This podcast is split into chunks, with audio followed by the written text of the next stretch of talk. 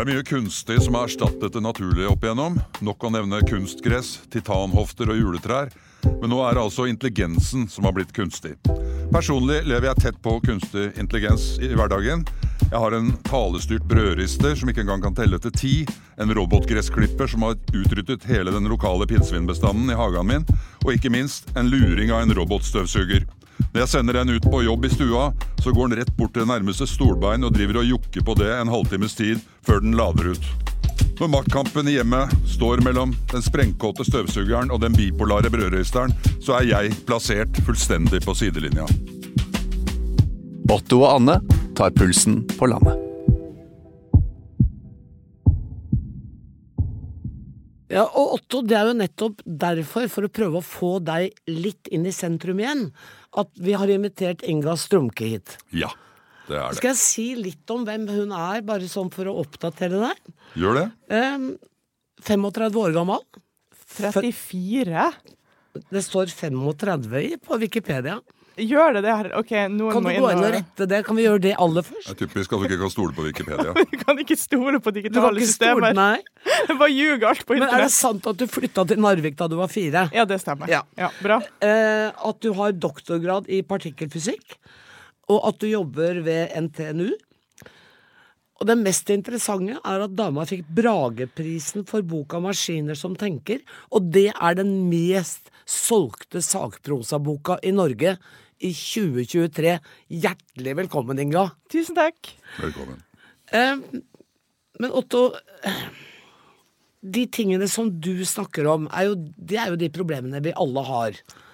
Ja, om alle har dem er jeg ikke helt sikker på, men eh, det er i hvert fall den, den hjemlige berøringen med såkalte hjelpemidler som da blir tillagt en viss intelligens. Den eh, er jo ikke, det er ikke utelukkende gode erfaringer, for å si det mildt. Hvordan har du det med det, Inga? Jeg lever jo veldig analogt når jeg ikke er på jobb. Altså, Jeg har ingen sånne smarte duppedingser hjemme i det hele tatt. Kan ikke snakke med brødristeren min. Og det er i stor grad telefon- og smartklokkeforbud hjemme hos meg. Altså, ja, smartklokkeforbud òg? ja, fordi at folk snakker jo til smartklokkene sine, så de tar opp håndleddet til munnen, og så begynner de å snakke i en sånn kommandotone. Sånn 'Set the timer for 10 minutes'. Og jeg bare 'Kan du slutte å kjefte?' Det er bare å gå bort og skru på den klokka på kjøleskapet. Så det eneste digitale jeg har hjemme, er faktisk eh, høyttalere. Og, de, og det er bare, de bare lager lyd. De tar ikke opp lyd. Jeg får helt spunk av tanken på at jeg skal ha dingser hjemme som overvåker eller tar opp noen ting hjemme hos meg. Men er de talestyrte? Nei. Nei. Nei, nei, det er ikke lov å rope til dingser i mitt liv, Nei, egentlig. Nei. Det er pussig når du da har skrevet bok om kunstig intelligens. Ja, eller er det det? Men før i tida, når du snakka til døde gjenstander, så ble du lagt inn på psy psykiatrisk. Ja, god praksis. Men nå er det de som ikke snakker til brødristeren sin, som blir lagt inn. Det har endra seg. Nei, men altså, jeg mener um, i fullt alvor da, at vi ikke trenger å gå rundt og lete etter kunstig intelligensforma hull i, uh, i samfunnet. Uh, vi har nok litt overtenning akkurat nå på at absolutt alt skal løses med kunstig intelligens. På en side så vil jeg som teknologioptimist så klart bejuble at vi prøver å ta imot en teknologi med åpne armer, men jeg syns det kan gå litt langt. Og jeg syns f.eks. at uh, vi skal snakke til dingser, og at dingser skal samle inn data om oss i alle livets faser, det, det kan kanskje være litt rikt. Altså, det er et stort uh, sosialt eksperiment som jeg ikke vet om, eh, om jeg ville ha samtykka til. Vi ser også at de som utvikler mest kunstig intelligent teknologi, f.eks. i Silicon Valley, er også de som sender barna sine på veldig analoge skoler, og ikke gir barna sine iPads og smarttelefoner. Så vi, vi omfavner teknologi veld, veldig raskt. Og samfunnet er jo i stor endring, uten at vi kanskje vet helt hva konsekvensen kommer til å bli av det. Fordi teknologien ligger foran oss. eh? For du skriver også at vi må ha politisk kontroll med teknologien, og vi er jo ganske langt unna det.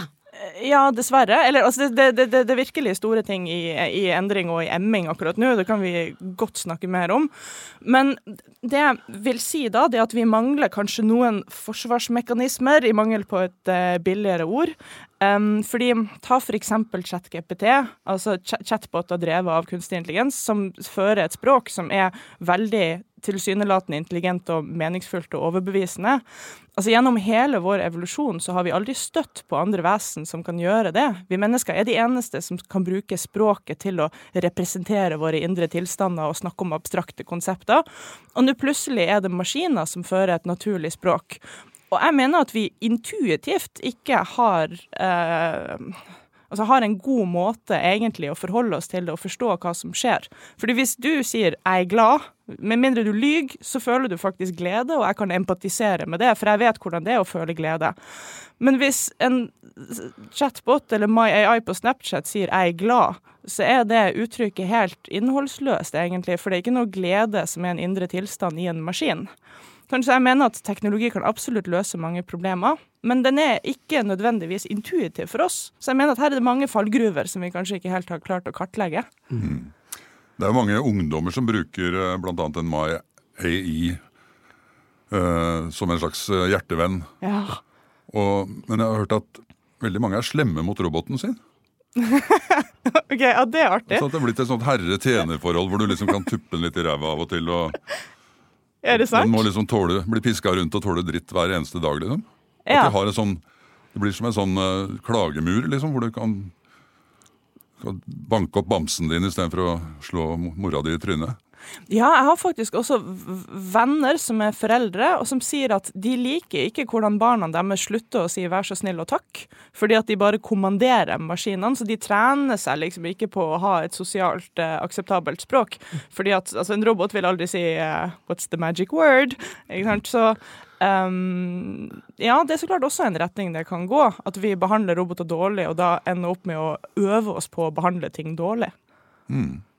Men det de fleste studier peker på, det er vel heller det at vi mennesker empatiserer med datamaskiner og roboter på en litt sånn absurd måte. Det finnes et eksperiment, og um, jeg har virkelig gravd og gravd og ikke klart å finne den nøyaktige referansen til det, men det refereres ofte til i bøker, så jeg velger å tro at det er sant, for jeg syns det er så morsomt. Og da var det noen ved et sånn museum slash opplevelsespark som skulle eksperimentere med at mennesker blir guidet rundt av en robot gjennom forskjellige stasjoner. Så var det en gjeng med forsøkspersoner som skulle guides gjennom fire stasjoner av en robot. Og roboten var gjort veldig sånn søt. Litt sånn sykehusrobot med sånn smileøyne, og så så den litt sånn liten og teit ut, og den var sikkert hvit. Og så ble de guida gjennom tre stasjoner, og folk likte vel det de opplevde. Og så sa den der roboten at folkens, min kjære gruppe, i den siste stasjonen her er det mye vann, og det er ikke bra for kretsene mine, så er det greit for dere om vi dropper den siste stasjonen. Og folk bare ja, ja, ja, ikke tenk på det, vi kan droppe den siste stasjonen. Og så, for å toppe det hele, så sier denne roboten men jeg kommer til å få kjeft for at jeg ikke har tatt dere med i den siste stasjonen, så orker dere å ikke nevne det her etterpå i spørreskjemaet. Og det skjedde faktisk at folk ble spurt etterpå likte dere eh, omvisninga her, og alle bare ja, ja, ja. Var dere innom alle stasjonene? Og mange folk løy. Så folk lyver faktisk i ordentlige reproduserbare eksperimenter for å beskytte roboter sine følelser, eller hva nå enn det skal være. Så vi empatiserer. Hm? Ja, de syns synd på roboten. Ja. De synes synd på roboten, og vi designer jo ofte roboter for å være litt sånn søte og enkle å tilgi. Men Er det ikke litt sånn som en, en del hundeeiere har forhold til bikkja si? At bikkja mi skjønner alt, og bikkja mi er så klok, og den er kjempegrei, og hvis den hopper på deg, så skal den bare leke. Ja, ja, Det er det Altså- beste jeg vet når folk sier, eh, ser på hunden og sier 'ja, du ser han skjønner'. Eller hundeeiere som går og bikkja bjeffer, og så nei, ti stille, slutt. Ja, Du Ikke- vet at du ikke har lov til å gjøre. det. Men øh, altså Du, Otto, vil jo aldri synes synd på en robot. Nei, så langt strekker ikke min empati seg, dessverre. Nei. Men folk som bruker denne kunstige intelligensen, som vi har hørt eksempler på fra skoler øh, Du skriver jo også om det i boka di at øh, når elever får beskjed om at de skal skrive en stil, så er ikke poenget at vi skal produsere maks antall stiler i Norge. Det er for at de skal øve seg i å formulere og systematisere tanker. Ja. Og likevel, du hadde jo noe eksempel på Ja, altså datteren min eh, går jo eh, Hun går i, i tiende. Og under en norskprøve så var det to gutter som eh, plutselig fikk seks, begge to. Og de lå vanligvis på to i norsk. Og da var det kanskje noen som ble litt mistenksomme her, ja, læreren. Uh, han ene han lever jo Hans ansikt utad er jo chatboten. Altså Han sier ikke noe høy... Han snakker ikke i vennekretsen med mindre chatboten har sagt hva han skal si. Og det kan kanskje være nyttig for folk som er litt språksvake, eller Jeg vet ikke. Ja, du er inne på noe interessant her, som er um, vi, kan, uh, vi kan bruke teknologi til å løse problemer. Og så kan vi ende opp med å bli så avhengig av teknologien at det skaper et større problem. Og særlig når vi nå har systemer som vi oppfatter som intelligent, og som er kanskje intelligent nok til å ta seg av kommunikasjon for oss, så er én ting å løse problemet på kort sikt, altså det må kommuniseres. Men på lengre sikt er jo det overordna problemet det, det her individet er ikke så veldig flink til å kommunisere på egen hånd.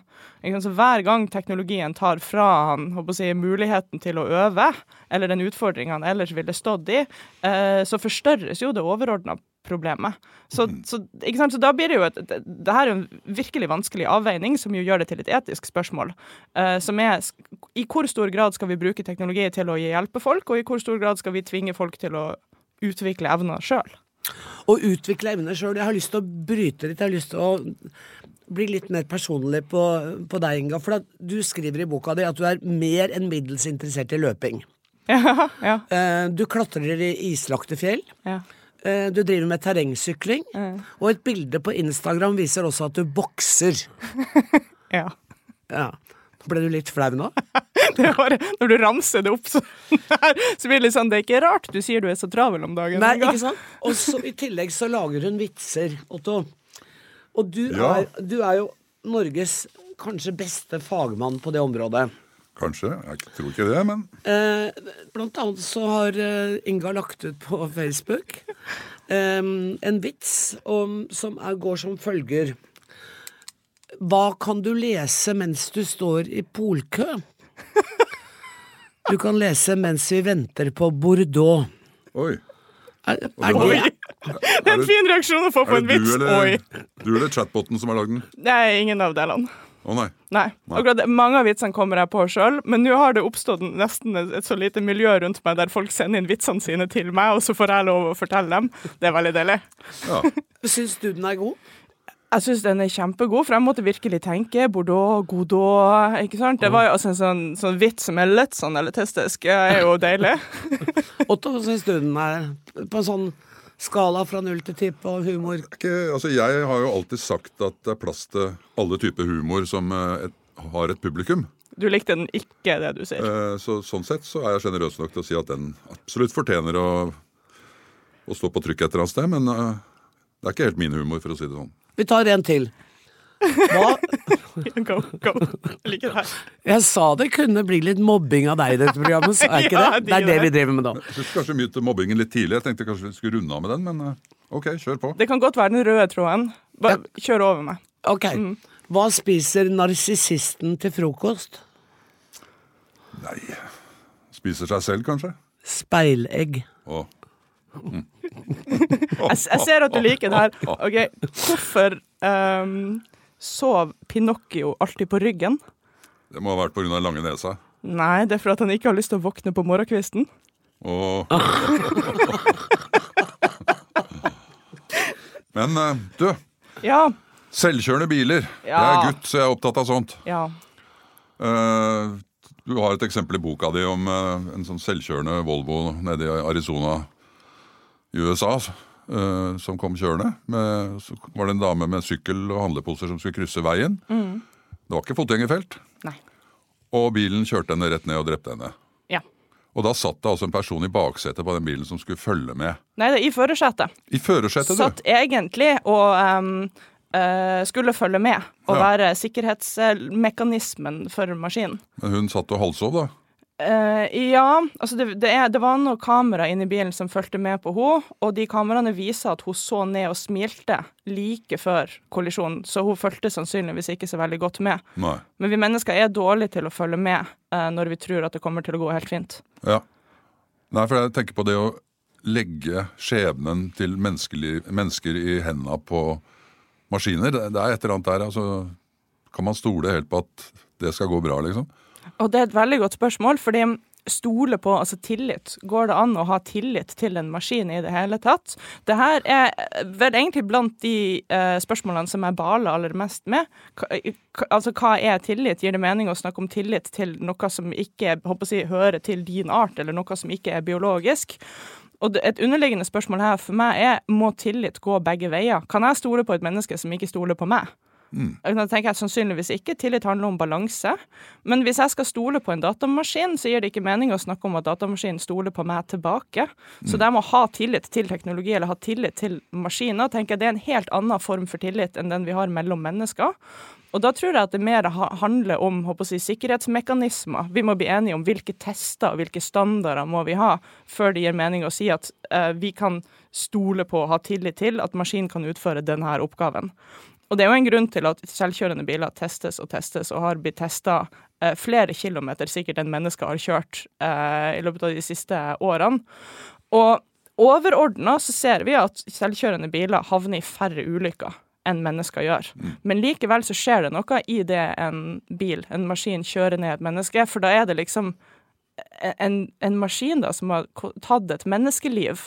Og det virker som det, selv om færre menneskeliv potensielt totalt sett går tapt, så er det likevel for oss en følt høyere kostnad når det er da et menneske som gjør, nei, en, en maskin som gjør at et menneske dør. Altså Vi som sitter bak rattet og kjører sjøl, vi tar jo også livet av folk av og til, men vi holder oss jo stort sett til fotgjengerfeltene. Ja, men OK, si at vi nå er i en overforenkla verden da, med, med, med 1000 biler. Uh, hvis mennesker skal kjøre de 1000 bilene, så er det ti stykk som dør hvert år. Hvis maskiner skal kjøre bilene, så sier du forenkler veldig da, men så dør det ett menneske i året. Ville vi ha valgt det scenarioet der en maskin da dreper et menneske i året, eller ville vi ha holdt oss til det scenarioet vi er vant til, at uh, eh, 1000 mennesker dreper 100 mennesker i året? Ja, men det er jo mange grunner til at folk dør i trafikken. Det er jo ikke bare sjåføren sin feil alltid. Nei, men veldig mye handler om dårlig konsentrasjon og fyll. Ja da. Maskiner har ingen av De får ikke promille, og de har ikke dårlig konsentrasjon. De får ikke lov å drikke, rett og slett? De får ikke lov. Det er grunnen til at de ikke drikker. Men hvem, hvem har ansvaret da? Ja, sant. Ja. Er det produsenten av uh, bilen? Er det eh, ja, Er det noen lokale myndigheter på noen måte? Er det de som utvikler standardene for testing? Eller er det den sjåføren som, mm. som har det overordna ansvaret, altså den som starta motoren på bilen. Og per nå er det jo det mennesket som sitter inne i bilen, starter motoren på bilen. Og det var jo hun her, her så den Volvoen her var en del av Uber sitt, uh, sitt testeprogram, og de hadde en, uh, en, sjåfør som skulle være sikkerhetsmekanismen, og hun endte opp altså med å bli tiltalt mm. for denne ulykken, for det var hun som skulle ha sørga for å trykke på bremsen. Ble hun dømt da? Hmm? Ble hun dømt også? Ja, jeg mener hun ble dømt for ja. uaktsomt drap. Ja. Ja. Oi. Så det kan være farlig å sitte på med selvkjørende biler også. Det er ikke bare Ja. ja, eller ha ansvaret for dem, da, som, ja. som, hun hadde. Men det å liksom fraskrive seg ansvaret og sitte, sitte på med en bil som blir kjørt av en maskin Altså Det er noe jeg aldri kunne tenkt meg. Og vet du hva, Jeg er på ditt lag, og jeg kjøpte meg faktisk ny bil i forgårs. da gikk jeg over fra min dieseldrevne SUV, fordi at det var bare for pinlig nå etter hvert. Og så kjøpte jeg meg en Volvo XC60, fordi at nå har jeg jo liksom pika i livet. Nå har jeg blitt en hvit uh, middelaldrende mann. Endelig. og, og, den har adaptive cruise control og pilot assist, og den kan liksom følge veien for meg. Og jeg merker det tar mye mer av min energi å sitte og følge med på den enn å bare kjøre sjøl. Ja, ja, så der er jeg gammeldags, ja. ja kjøre sjøl. Jeg må kjøre sjøl. Kontroll over brems og gass. Men hva, hvilke andre store fordeler er det med denne kunstige intelligensen? Du, du skriver jo um, blant annet interessant om uh, Kasparov. Sjakkspilleren, verdens største gjennom tidene, ja. uh, som til sjuende og sist tapte mot en datamaskin. I 97. Så lenge siden. Ikke sant, Så lenge før den kunstig intelligens-bølgen som vi er i i dag. Så, sånn som jeg ser på det, så er det alle de her robotene som skal fungere i vår fysiske verden og klare å tilpasse seg til, eh, til ethvert miljø og enhver situasjon, de tror jeg er langt, langt, langt frem i tid. Mens det vi ser akkurat nå skjer, det er mer det at eh, digitale systemer som skal eh, operere kun i det digitale rommet, altså ikke i den fysiske verden, og utføre mer smale oppgaver, det er de som virkelig briljerer. Og det er der jeg tror vi kommer til å se store samfunnsendringer. Og det finnes faktisk en observasjon som er så notorisk at den har fått et eget navn, oppkalt etter en AI-forsker på 80-tallet, tror jeg. Han het Hans Moravec, og det er kjent som Moravecs paradoks. Mm. Som er det at oppgaver som tilsynelatende er veldig enkle, for de er enkle for oss mennesker, og også for dyr, de er vanskelige for datamaskiner. Altså for eksempel plukke opp søppel uten å rive ned bordet, eller tolke et ansiktsuttrykk, eller forstå et tonefall. Kjempeenkelt, til og med for liksom, hunder og barn, men veldig vanskelig å få maskiner til å gjøre det. Men så er det også andre veien. Oppgaver vi mennesker tror er vanskelige, løse andregradsligninger og eh, lese gjennom en gigabyte med informasjon i det hele tatt, det er kjempeenkelt for maskiner. Så det er en sånn, er en sånn motsetning der da, mellom hvilke oppgaver vi tror er enkle å få maskiner til å løse, og hvilke som er faktisk enkle for maskiner. Men AI, foreløpig så Den kan jo ikke noe særlig mer enn oss. Altså Den kan gjøre ting raskere. Å nei. Men den uh, kan jo ikke noe særlig mer. Jo. Kan det? Ja da. ja da. Vi har eh, kunstig intelligente systemer nå som løser forskningsproblemer som vi mennesker ikke har nubbsjans til å løse. Så ja. finn løsninger vi mennesker ikke klarer å løse. Ja, At det kan finne gode løsninger. Eller andre løsninger enn de vi mer, optim mer, optimale løsninger og også helt andre løsninger. Og ja. Her står eksemplene i kø, da, men det er jo fra forskjellige forskningsfelt. Ellers hadde det ikke vært forskningsspørsmål. Uh, men ok, for eksempel, noe jeg er veldig bekymra for personlig, er antibiotikaresistens. Det kan faktisk føre til massedød hvis vi får nok antibiotikaresistente bakterier der ute. Mm. Før har det tatt sånn rundt ti år å finne nye former for antibiotika. Nå, ved hjelp av kunstig intelligens, spesifikt maskinlæring, så tar det ned til to-tre år å finne nye former for antibiotika. Og det har vi sett flere forskningsartikler på bare de siste par årene. Så det er det her som heter drug discovery på nynorsk. Der ser vi at kunstig intelligens hjelper veldig mye, og faktisk gjør prosessen mye, mye mye raskere og mer optimal enn menneskelige forskere har sjanse til å gjøre. Mm. Ja, så det er grunn til å være optimist også når det gjelder eh, antibiotikaresistens? Ja. På veldig mange domener, vil jeg Fordi si. Bruken ja. har jo gått ned. Særlig på dyrehold så er vi er jo liksom ledende i verden på det. Mm. Men også når det gjelder mennesker, har jo Norge vært ganske flinke til å redusere bruken. Ja. Pro Men, problemet er jo at antibiotikaresistens er et globalt problem. Det er det. Og det er fremdeles plasser i verden der antibiotika deles ut med begge hender til noen som eh, ja, snufser litt. Ja. Um, men eh, eh, altså for å gå tilbake til det sjakkeksempelet ditt, da. Um, så sier de jo at ok, så det, det kuleste fra uh, sjakkcomputere og moderne kunstig intelligens, altså selvlærende kunstig intelligens nå, det er et program som heter AlphaZero. Så den lærte seg å spille sjakk kun ved å spille mot seg sjøl. Mm. Så de ga den liksom et virtuelt sjakkbrett, og så sa de 'go, kos deg'. Og i løpet av uh, liksom kort tid, da, uh, jeg tror det var døgn eller noe sånt, så hadde den slått daværende Stockfish. Det her var i 2018, så da var den liksom verdens beste sjakkcomputer en periode. Og den hadde lært seg det gjennom å spille mot seg sjøl. Så ikke ved å studere sjakkpartier fra mennesker, men ved å sjøl oppdage sjakkstrategier. Og når eh, Kasparov og Magnus Carlsen og i det hele tatt spiller mot den, så sier de at det er litt som å spille mot en alien. For det har en sånn fremmed måte å spille sjakk på. Så den har liksom skjønt et eller annet som vi mennesker ikke har skjønt om spillet. Det syns jeg er veldig fascinerende. Ja, det er klart. Mm. Men du, algoritmer. Ja. Jeg eh, kjøper jo ting på nettet av og til, og, og du har jo den der skreddersydde reklamen som du blir teppebobba med. Jeg kjøpte en hekksaks, eksempel, og da ble jeg altså teppebomba med tilbud på hekksakser etter at jeg hadde kjøpt den hek hekksaksa. Kan man problem. si at de algoritmene er spesielt smarte da, egentlig? Nei, Problemet da er jo at algoritmene har litt for snever tilgang til det. Så de har lov å overvåke deg på internett, men de overvåker f.eks. ikke nettbanken din. Så de visste ikke at du hadde kjøpt en hekkesaks. Så da ble det en sånn De visste litt for De visste så mye at de kunne være invaderende, men så lite at de kunne være relevante, da. De dreit seg ut. Ja, men jeg tenker i det Facebook tar over bank og forsikring, så løser det her seg. Ja, ja. det ser jeg fram til. Hvis, når vi snakker om sjakk, og da klarer datamaskinen det veldig bra. Eh, men det er jo også bekymring blant eh, forfattere, kunstnere, at den kunstige intelligensen skal overta. Mm. Så er vi nær ved å opp oppleve at maskinene blir så flinke at de kan kopiere Otto Jespersens stemme, Otto Jespersens vitser, Otto Jespersens måte å presentere tanke på. Er vi der? Eh, ja, eh, håper å si dessverre. Altså Vi ser for eksempel, for å ta stemme først, da. Vi ser, og det, det her har blitt en vanlig form for telefonsvindel i USA bare i løpet av det siste året, at med noen par minutters opptak av noen sin stemme, så kan man bruke AI-stemmegeneratorer til å få den stemmen med riktig pustefrekvens og alt sammen til å si hva som helst. Så det er telefonsvindler der det er noe som høres ut som noen sin forelder som ringer og sier 'jeg har vært i en trafikkulykke, jeg trenger penger fort'. Og det er jo Ja, nå er vi tilbake på de her forsvarsmekanismene som jeg mener at vi ikke har rukket å utvikle, da.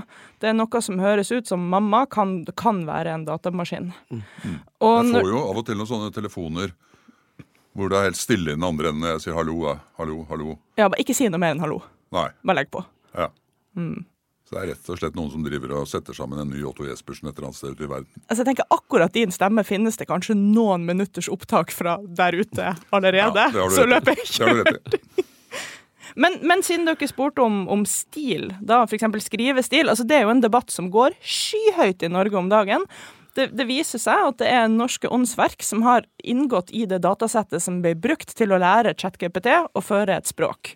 Så det er opphavsrettighetsbrudd eh, rundt omkring i verden, også i Norge.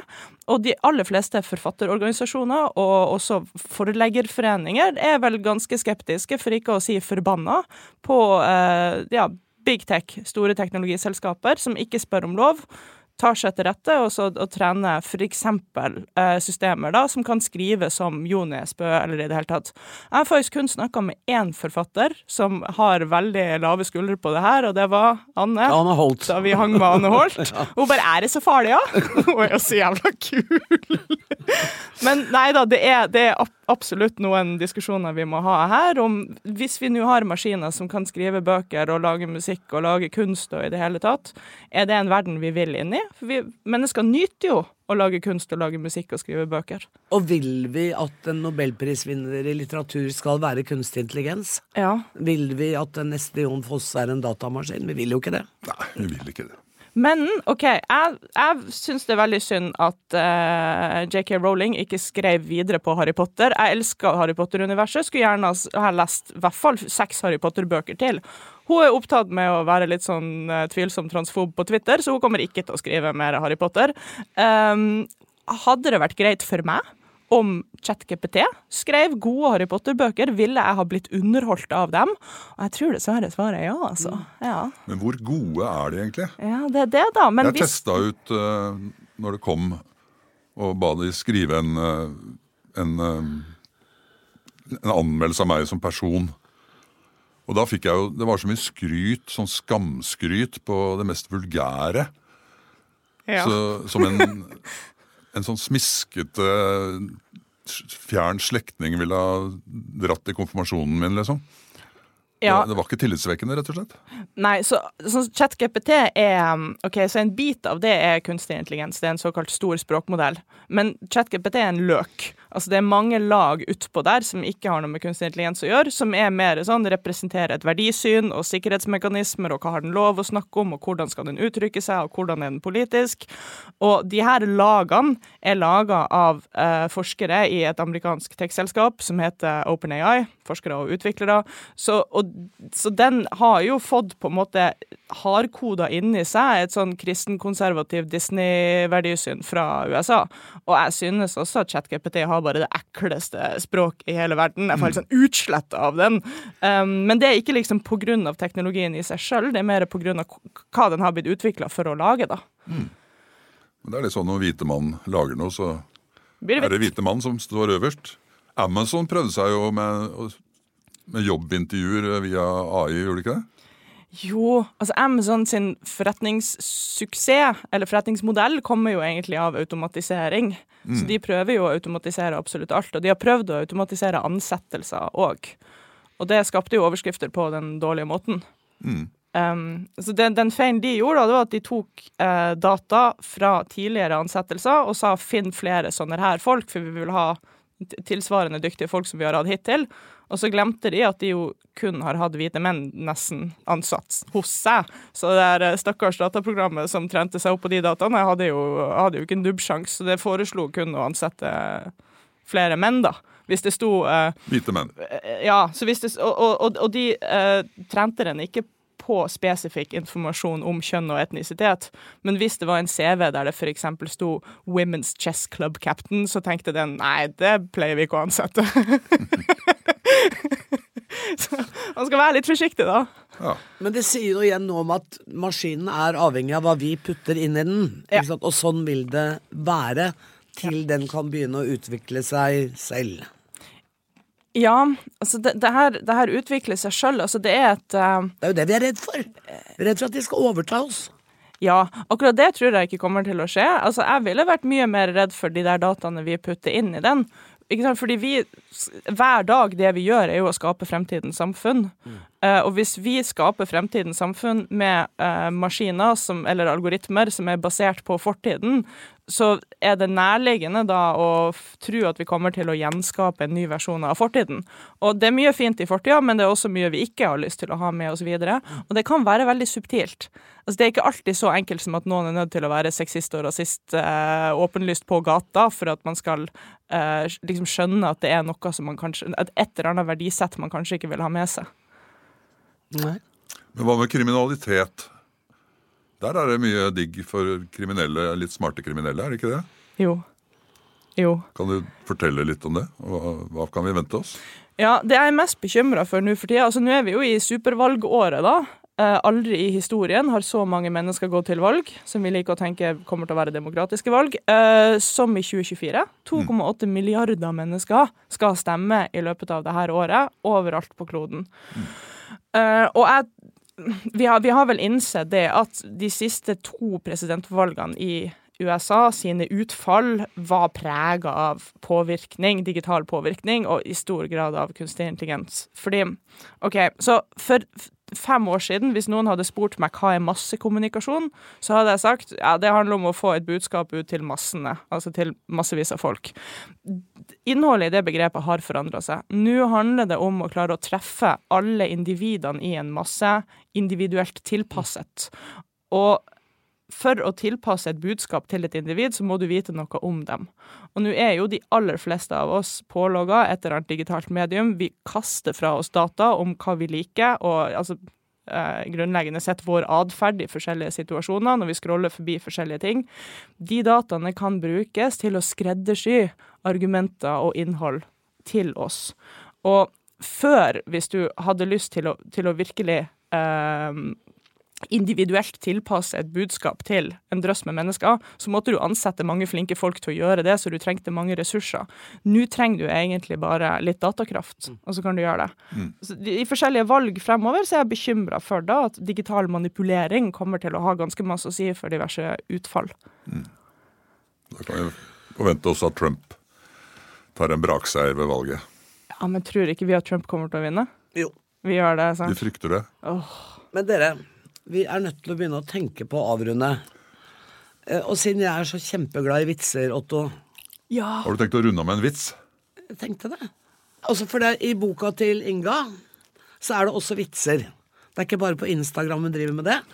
Eh, men hun har laget vitser eh, som hun gir til en datamaskin. Tre forskjellige vitser. Og så skal datamaskinen finne ut hva som er riktig svar. Bank, bank. Da sier du Bank, bank, sier jeg. Hvem der, sier jeg. Ja. Daisy, sier jeg. Daisy hvem, sier jeg. Daisy Me Roland the Haten. Den er kjempegod. They see me rolling. They Å, ja. hate Du må synge den litt. Og det som er aller best, er at denne boka finnes som lydbok, og den er lest opp litt bedre sånn Frognerfruete enn jeg liksom snakker inni meg. Og jeg har ikke tort å gå inn og høre på hvordan de Det, er det skjønner jeg. For det neste er Bank Bank. Hvem er der? Maja. Maja hvem? Maja hi, Maja ho, Maja hå, Maja ha ha. Ja vel. Er det noe du kunne bruke, Otto? Tror ikke det. Nei. Men disse Dette kan du ikke ljuge deg fra, Inga. Disse har du funnet på.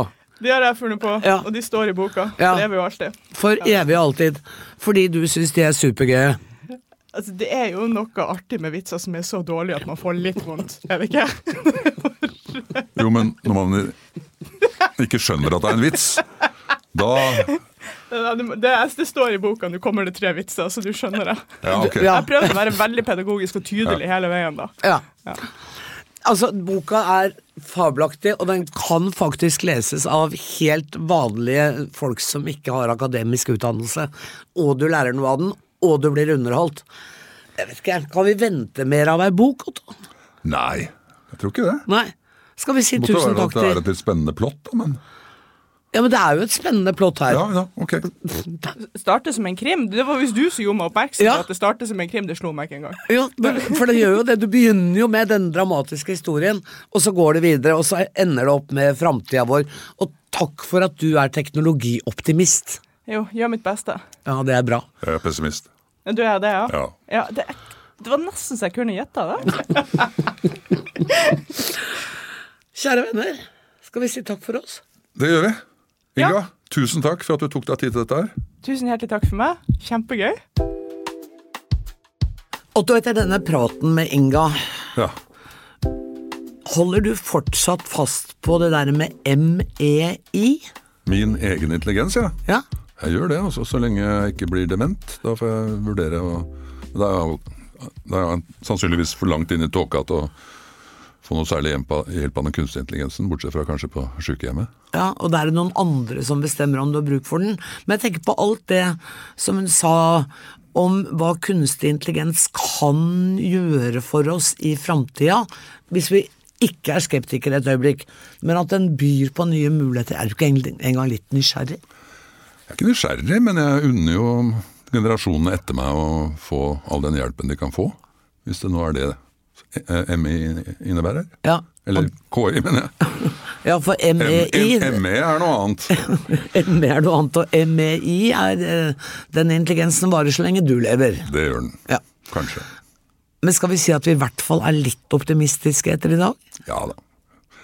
Hun er jo en- en strålende representant for eh, den nye generasjonen, som har et positivt eh, syn på KI. Men vitsene hennes er jeg kanskje litt mer usikker på. Du, det var litt rart. At folk som er Altså, hun er har doktorgrad i partikkelfysikk, heter Ja, det? ja hun Sykler og klatrer og bokser og gud veit hva. Men de vitsene Men har tid til å lage så jævla bra vitser når du er så opptatt som hun er? Nei, du har kanskje ikke det. Ehm, jeg tror vi bare takker henne for at hun har vært her og vært sammen med oss og lært oss litt. En varm takk. Og litt kunnskap har det blitt. Otto og Anne tar pulsen på landet.